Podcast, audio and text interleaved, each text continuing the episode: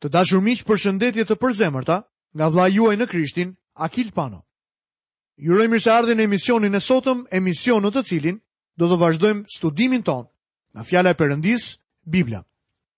Sot do të nisim studimin në kapitullin e 3 në librin e 2 të Kronikave dhe do të shohim Solomonin i cili fillon ndërtimin e tempullit. Lexojmë pa humbur kohë nga vargu i parë. Solomoni filloi pastaj ndërtimin e shtëpisë së Zotit në Jeruzalem mbi malin Moria, aty ku Zoti i ishte shfaqur Davidit, atit të tij, në vendin që Davidi kishte përgatitur në lëmin e Ornanit, Jebuseut.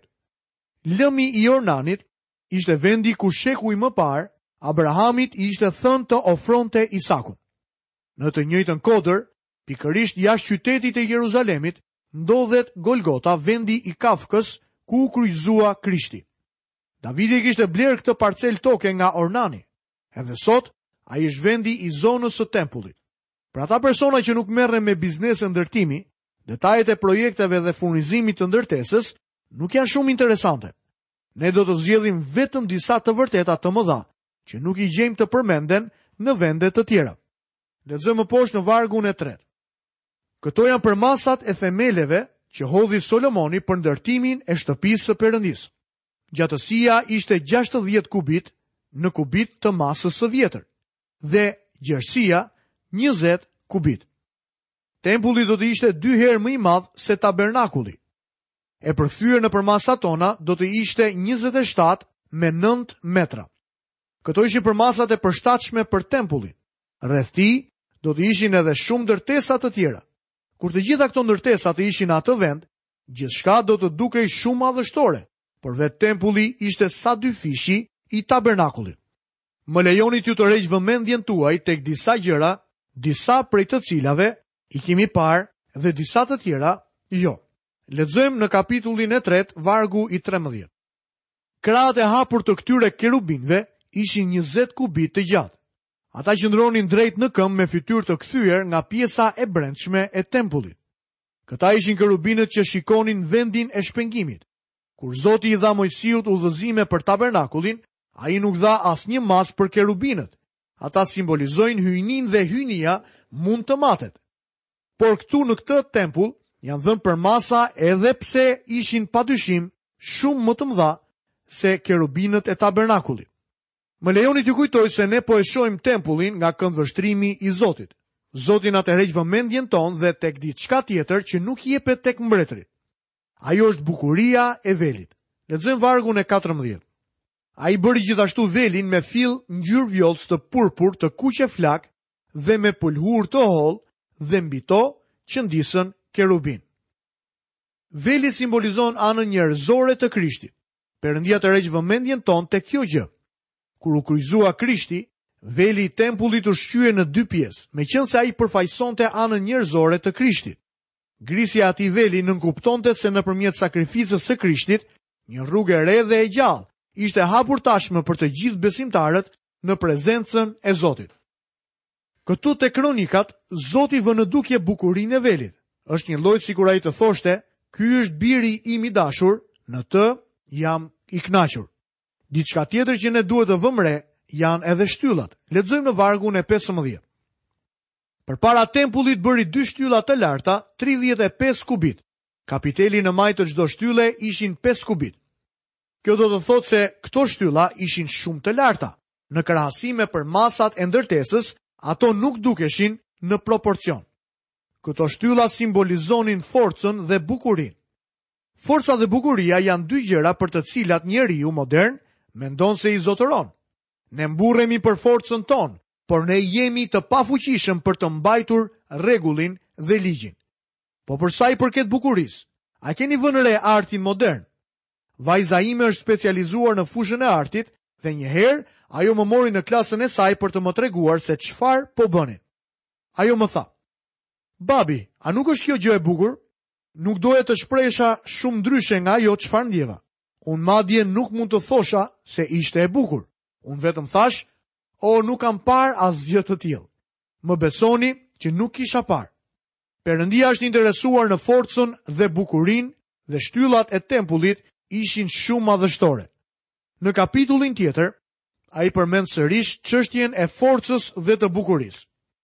Lexojmë vargun e 12. Dy shtyllat, dy kapitelet me vazo në majë të shtyllave, dy rrjetëzat për të mbuluar dy kapitelet me vazo në majtë shtyllave. Perëndia dëshiron të tërheqë vëmendjen me to. Lexojmë më poshtë në vargun e gjashtëmbëdhjetë. Bëri gjithashtu zinxhira të vegjël, si ato që ishin në shenjtërore, dhe i vendosi në majë të shtyllave. Pastaj bëri një mijë shegë dhe i vuri mbi zinxhirët e vegjël.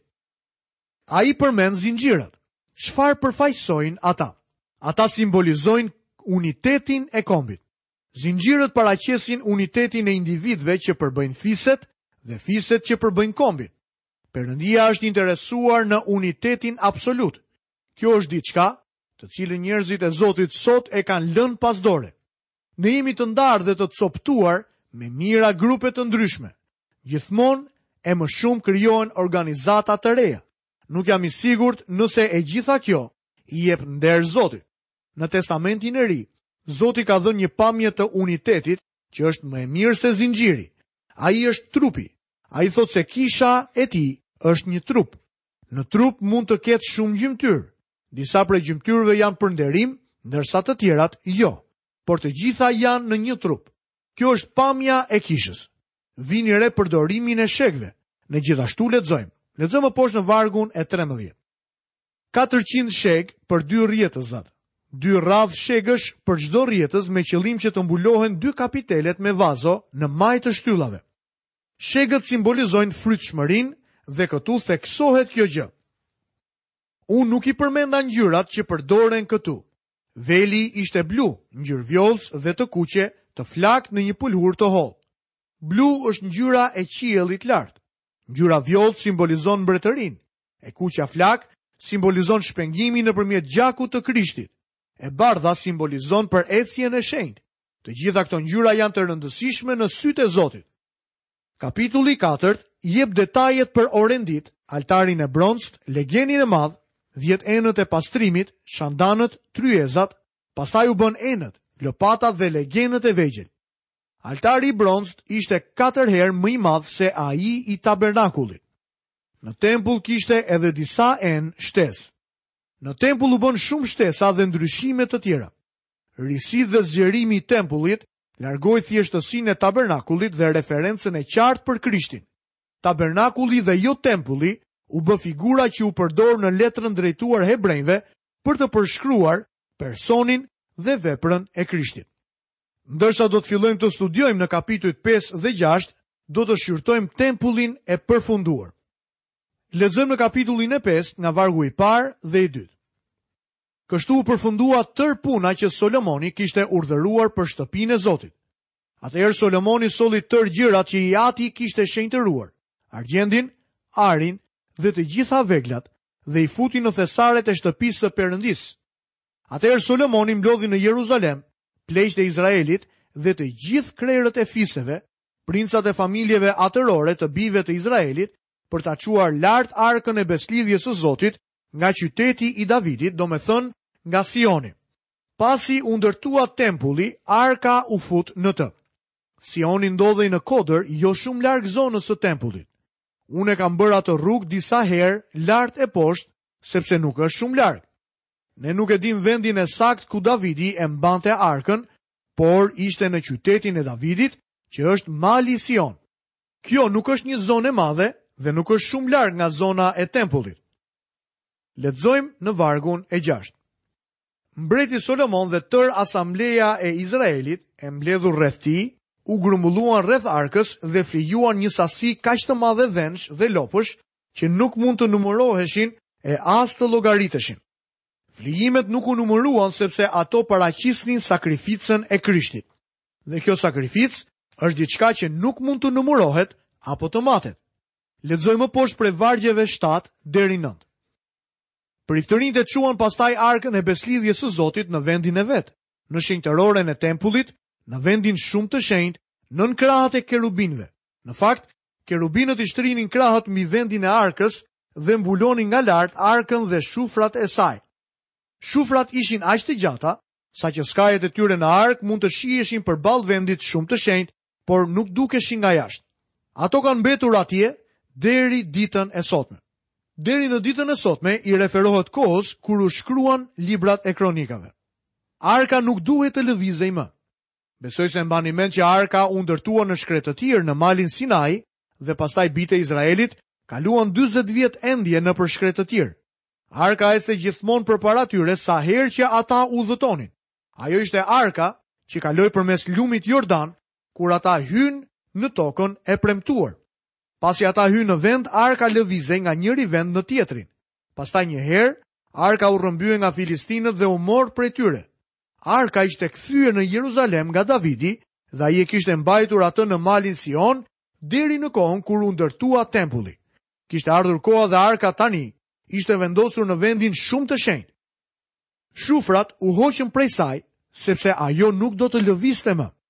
Meshkujt e bijve të Izraelit duhet të vinin në tabernakull gjatë tri festave të vitit, Pashkës, Pentakostit dhe festës së kasolleve. Kjo nuk do të thotë që duke filluar nga ky moment, ata do të vinin në Jeruzalem, në tempullin ku ndodhej arka. Arka simbolizonte Zotin Jezu Krisht, personin e tij. Mbi arkën ishte vendi i shpengimit që simbolizonte punën e tij shpenguese, gjakun e tij të derdhur dhe faktin që ai tani është pajtuesi ynë. Gjithçka që Krishti bëri u bë një herë dhe përgjithmonë. Por tani vetëm një herë, në fund të shekujve, Krishti u shfaq për të prishur mëkatin me anë të flijimit të vetvetes. Vijon shkruesi i Hebrenjve. Kjo ishte diçka e përhershme dhe themelore. Më lejoni të përdor një figurë të shprehuri. Shufrat u hoqën prej arkës. Nuk do të ketë asnjë mënyrë tjetër shpëtimi. Pjetri u tha njerëzve të tij, Dhe në asnjë tjetër nuk ka shpëtim, sepse nuk ka asnjë emër tjetër nën qiell që u është dhënë njerëzve dhe me anë të të cilit duhet të shpëtohemi. Miku im, shufrat janë hequr, arka nuk do të lëvizet më. Heqja e shufrave tregon gjithashtu çlodhje. Zoti Jezus u jep çlodhje të gjithëve atyre që vijnë tek ai. Ai gjithashtu është një vend shlodhje. Zoti Jezus foli për atë vend me dishepujt e tij në dhomën e sipërme. Ai u tha, unë po shkoj t'ju pregatis një vend, dhe kur t'ju shkoj e të pregatis vendin, do të kthehem dhe do t'ju marr pranë meje, që atje ku jam unë, të jeni edhe ju. Vendi është përgatitur tashmë dhe një ditë ne do të shkojmë tek ai vend. Një nga karakteristikat e atij vendi është qëndrueshmëria. Fakti që ai është një vend i përjetshëm dhe Perëndia do të thajë çdo lot nga sytë e tyre dhe vdekja nuk do të jetë më. As brengë, as klithma, as mundim sepse gjërat e mëparshme shkuan. Ky është qyteti i Zotit. Ai është i qëndrueshëm dhe sepse Zoti i plotfuqishëm dhe qengji janë tempulli i tij. Miku im, shufrat janë hequr tashmë. A nuk është e mrekullueshme që ne nuk do të marshojmë më? Ne nuk na duhet të shkojmë për të kërkuar Zotin. Ashtu siç Pali u tha romakëve, ne nuk kemi pse shkojmë në qiell që të sjellim Krishtin në tokë dhe as nuk kemi pse të zbresim në ferr për ta sjellë atë lart. Ai është këtu për ne. Kjo është diçka e qëndrueshme dhe e përjetshme. Kjo nuk ka për të ndryshuar. Krishti i hoqi shufrat prej arkës. Lexojmë poshtë në vargun e 10. Në arkë nuk kishte asgjë tjetër veçse dy pllakave që Moisiu kishte vendosur në malin Horeb, kur Zoti lidhi një besëlidhje me bijtë e Izraelit, kur këta kishin dalë nga Egjipti.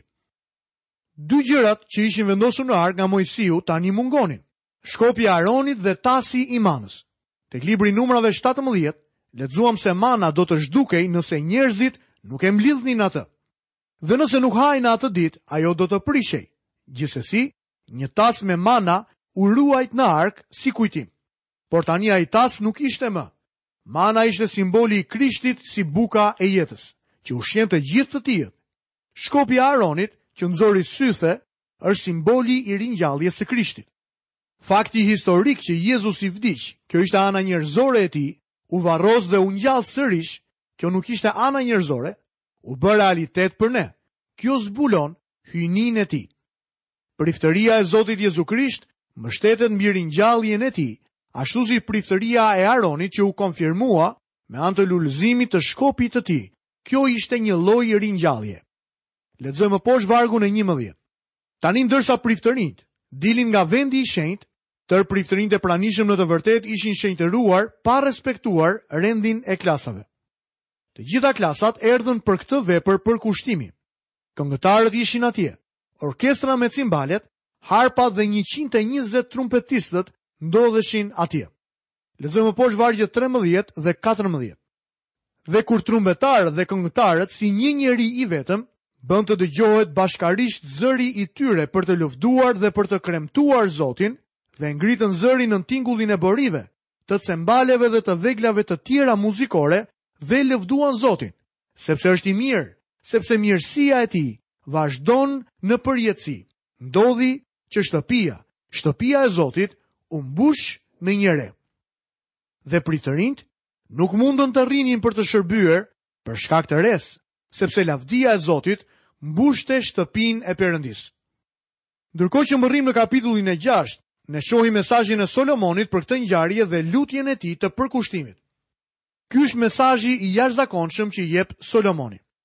Do të lexojmë nga kapitulli i gjashtë, vargu i parë deri në vargun e tretë.